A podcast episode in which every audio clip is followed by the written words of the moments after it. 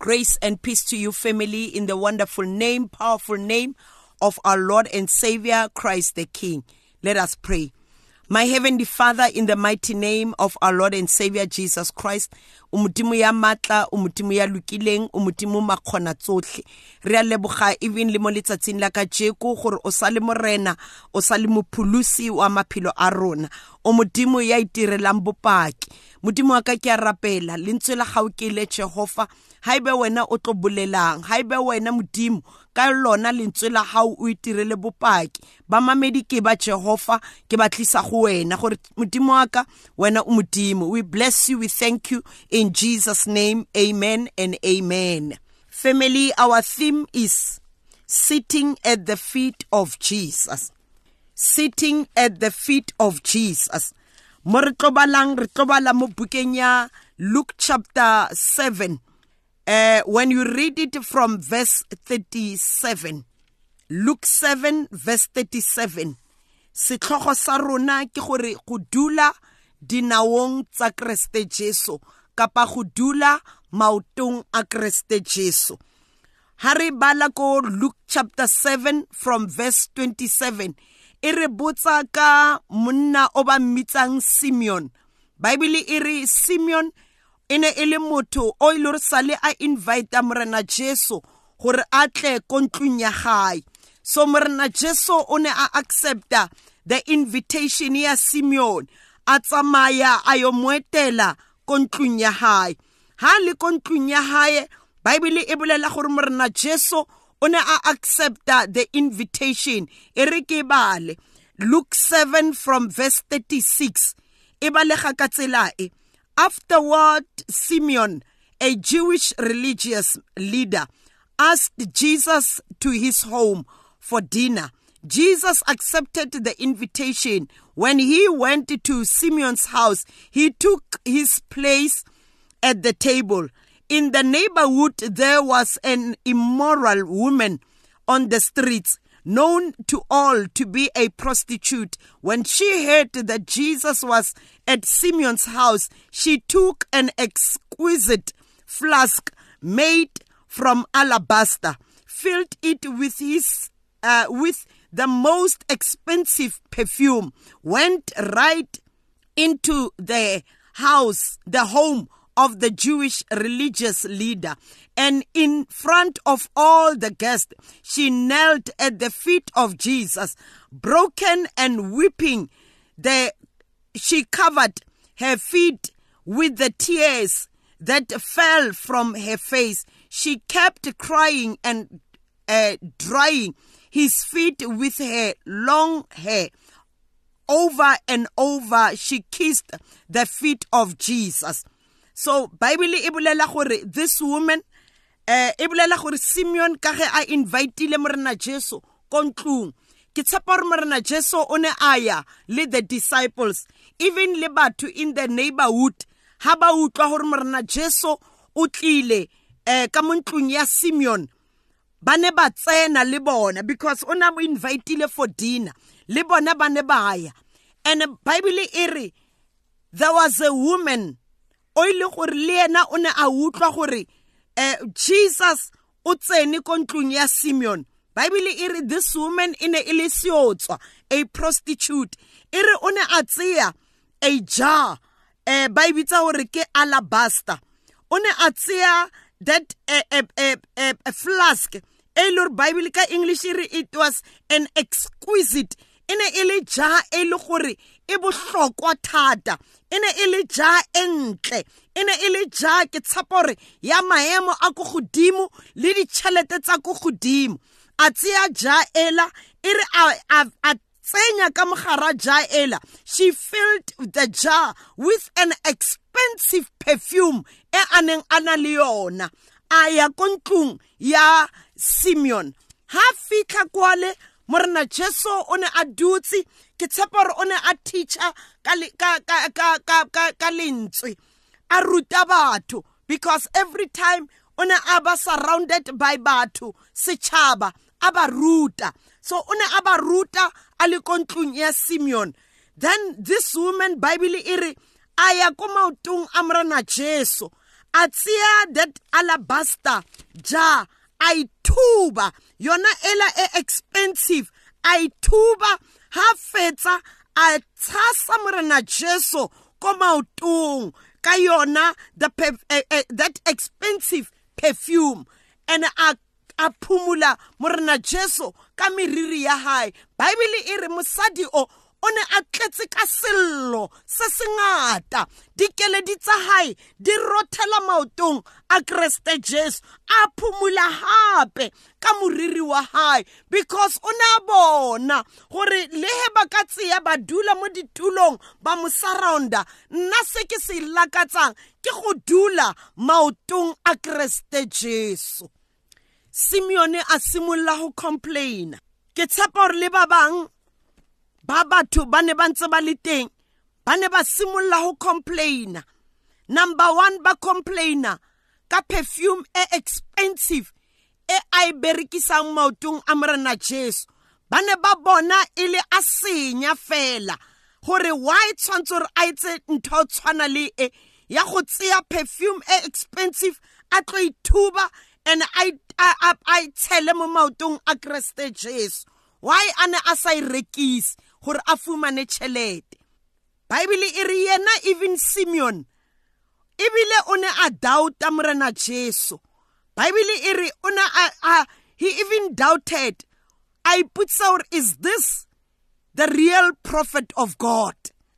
A doubta morena jesu o mo invitile mare wa mo doubta gore how can morena jesu a dumelle a prostitute se o tswa se no dula maotong a se thube perfume se dule maotong a gae.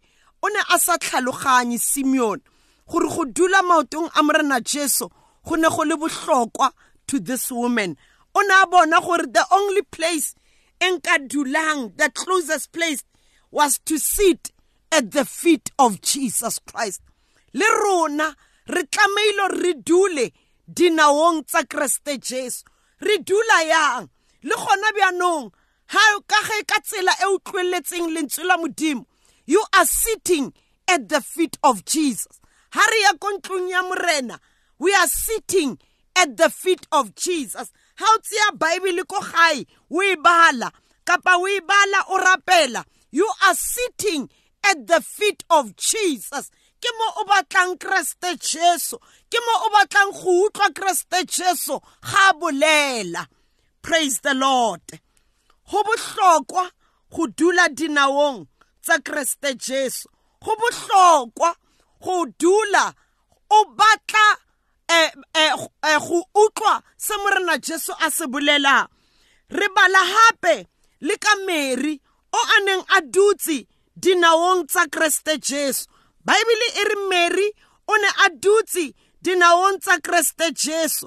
Matsa a complaina mare mary a dula ko luke chapter 10 39 mary a dula dinaong tsa kreste jesu. A bona gore mo gore ke utlwe lentswe la modimo ke le understande. Ke tlameile gore ke dule ko maotong a kreste jesu. Mo tulong e nyatsegileng mare a re ke tlo dula gona. Le nna le wena a re duleng dinaong tsa kreste jesu. Gobane ke mo morena jesu re kgonang go mutlwa ke mo morena jesu a re utlwang ha re mollela ke mo re kgonang go boledisana go ba le lekunutu le yena. Go na le pina ya opelwa e re lekunutu le morena. O go monate yang go ba le lekunutu le morena. Go na le pina gape ya opelwa e re ha le phirimile ke mo neela bonna ba ka bo botlhe ke mo neela tsohle tse di leng go nna. Ha o dula dinaong tsa kreste jesu ke mo o kgonang go tsholla pelo ya gago go yena. Ha o dula dinaong tsa kreste jesu ke mo a kgonang go bona dikeledi tsa gago ha di rotha mahlong a gago simeone a complaina gore who is this woman? Wa o dula ko strateng because bible e re simeon o rile master don't you know this woman? O itse ke everyone in the community. She is full of sins. O tletse ka dibe fela. But jesus never judged this woman. O ne a bona pelo ya hae e nyoretse morena jesu e ne e batla morena jesu e ne e lela morena jesu. Le wena ka tšeko o ka dula at the feet of jesus. Learn on how to sit at the feet of jesus. Re dula go yena ha re utlwela lentswe la modimo. Re dula go yena ha re batla gore re morena jesu bolela le bophelo baka fetola bophelo baka morena jesu wa re utlwa ebile wa araba ke modimo o tletseng ka pelo bohloko for rona full of compassionate heart for rona.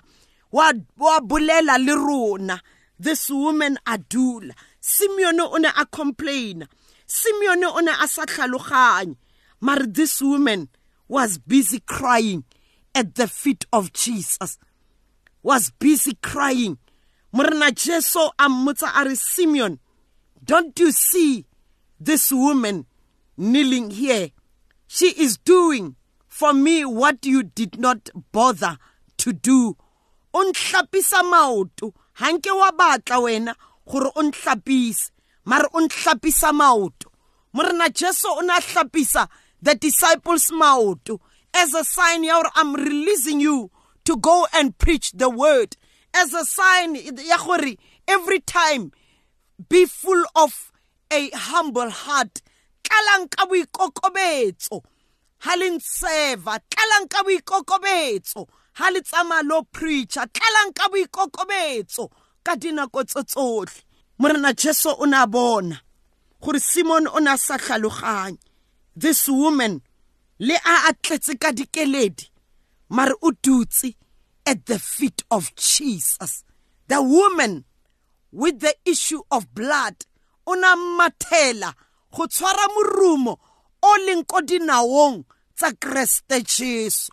A lwela go dula at the feet of jesus christ. Le nna le wena a re lwele go dula dinaong tsa kreste jesu. Because ke modimo ya matla ohle. Ke modimo ya kgonang go rutlwa ka dinako tse tsohle. Family god loves you so much. God cares for you so much. Ke modimo o a dulang a o lebeletse. Ke modimo o a bonang ka nako e right o tla araba.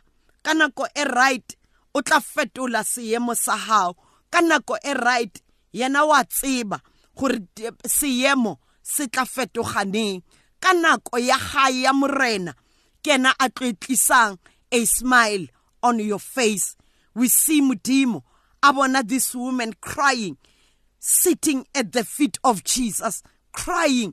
Ke tshepa gore o ne a llela gore modimo ke tletse ka bophelo bo bo batho ebile ba tsebang gore ke phela bophelo bo boyang. Fetola bophelo baka fetola maemo aka batho ba ka be ba o tshega batho ba ka be ba bolela.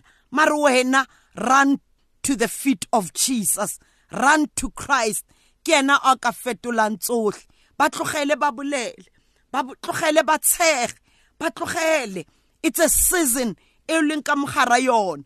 And whatever season e re leng ka mogara yona ha ra tshwanna to quit ha ra tshwanna go ngala ga na tshwanna go give up ka mogara yona. Kgotlhella go ntse go le fela bjao because o kgotlheletse mo kreste jesu. Ke ena a re fang maatla go ema ke ena a re fang maatla go re tiisa ka dinako tse family we are going to pray.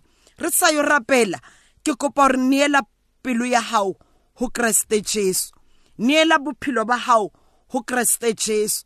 O ka bolela wa re morena jesu bophelo ba ka ke ke bo neela go wena gore o be morena le mopholosi wa bophelo baka o ka bolela wa re morena jesu seemo ke an unbearable situation e e ntlogetseng ka sello e e ntlogetseng ka pain. Mare ka jeko ke batla go isia at the feet of jesus gore e be yena a tlo nrwallang yona.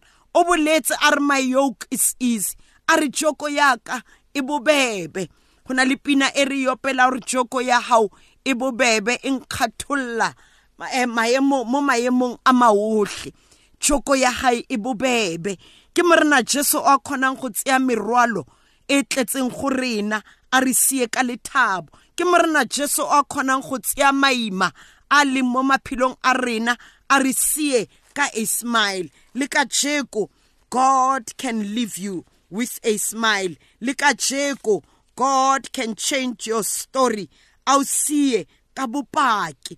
Bopaki bo e le gore batho ba makala gore ka boyang bopaki bo e leng gore bo tlo tshikinya lefatshe because he is our faithful god. Family ke modimo ya tshepagetseng ke modimo ya motle. He will never leave you nor forsake you. O boletse a re a gona ntho e mpallang.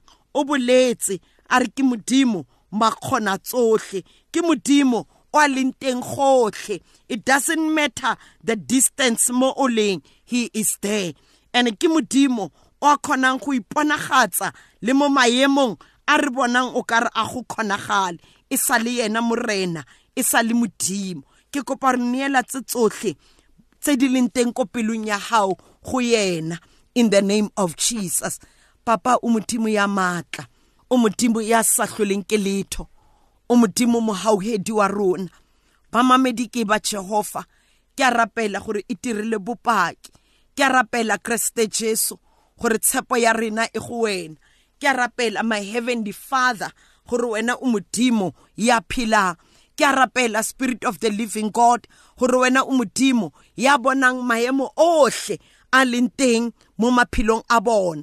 Even le tse di fitlhagetseng ko pelong when you are able to see them. Le tse di sa bolelweng ka molomo when you are able to see them oh god. Heavenly father ke a rapela. Gore touch every heart in the name of jesus.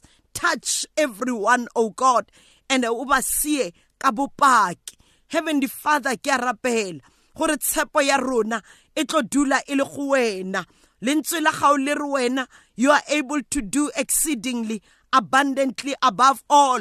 Tse re ka naganang kapa ra dilora e tsa mogau e tsa bopaki jehova gobane re ko matthew chapter 6 verse 33 e re seek ye first the kingdom of god and his righteousness e re tsohle di tla re latela. Modimo wa ka ke ba mamamedi ba utlweletse lentswe la hao ba receivile lentswe la hao a tsohle di ba latele go ya ka lentswe la hao a tsohle tse wena o na leng tsona for bona di ba latele di ba iletse bopaki. In jesus mighty name in jesus mighty name amen and amen.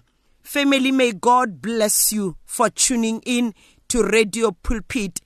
Ke moruti Mary Masina mo 082 787 9234 you can connect connect with me or call me mo 082 787 9234 Blessings to you. May God bless you until we meet again. Even on Tuesday, every Tuesday, half past three in the morning, every Saturday, half past nine in the morning until 10.